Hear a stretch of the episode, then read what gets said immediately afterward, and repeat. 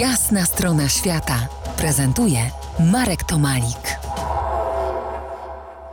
Po jasnej stronie świata induska tancerka Apeksha Niranjan i dobrze zaprzyjaźniona z Indiami Ola Lasek, która tutaj w Polsce pomaga Apekszy w organizacji widowisk scenicznych.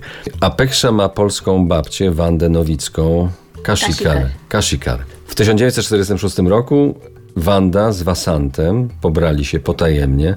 Co to znaczyło dla polsko-induskiej pary w Indiach w tamtych czasach? No w tamtych czasach było to niezwykle trudne. To jest trudne w tych czasach, a w 1946 roku to było no niezmiernie trudne, ponieważ yy, proszę sobie wyobrazić, że pani Wanda była tylko z siostrą młodszą, więc nie miały rodziców, więc były sierotami tak były odbierane, były sierotami, była chrześcijanką, to jest następna rzecz, była, nie miała korzeni. Jak nie miała rodziny, no to nie miała korzeni, nie można było tego sprawdzić. No ale to ja tutaj chcę jeszcze w, w, w obronę wziąć tego poczciwego Wasanta, który został jej mężem. Tak. On się musiał wyrzec, no, zrezygnować ze studiów. Tak, tak. On musiał, no jakby rodzina się go wyrzekła, więc też musiał dlatego zrezygnować ze studiów medycznych. Było to bardzo trudne. Oni rzeczywiście, no ale wiesz, no prawdziwa miłość zwyciężyła. Jest takie powiedzenie w Indiach, młodej parze składa się życzenia w dniu ślubu pannie młodej, obyś była matką tysiąca synów. No tak, tutaj się tysiąc nie spełniło, ale, ale tak, przeżyli ze sobą 63 lata.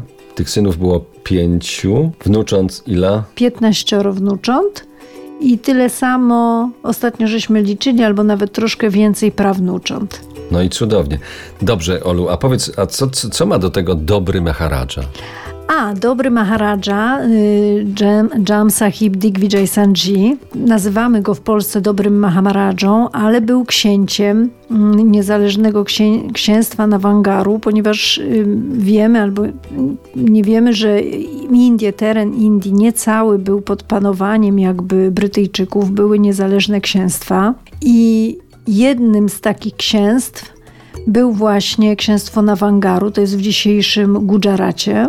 A Jam Saheb w czasie, w latach dwudziestych XX wieku znał się, poznał się jako mały chłopiec. Jego ojciec był zaprzyjaźniony z Janem Ignacym Paderewskim.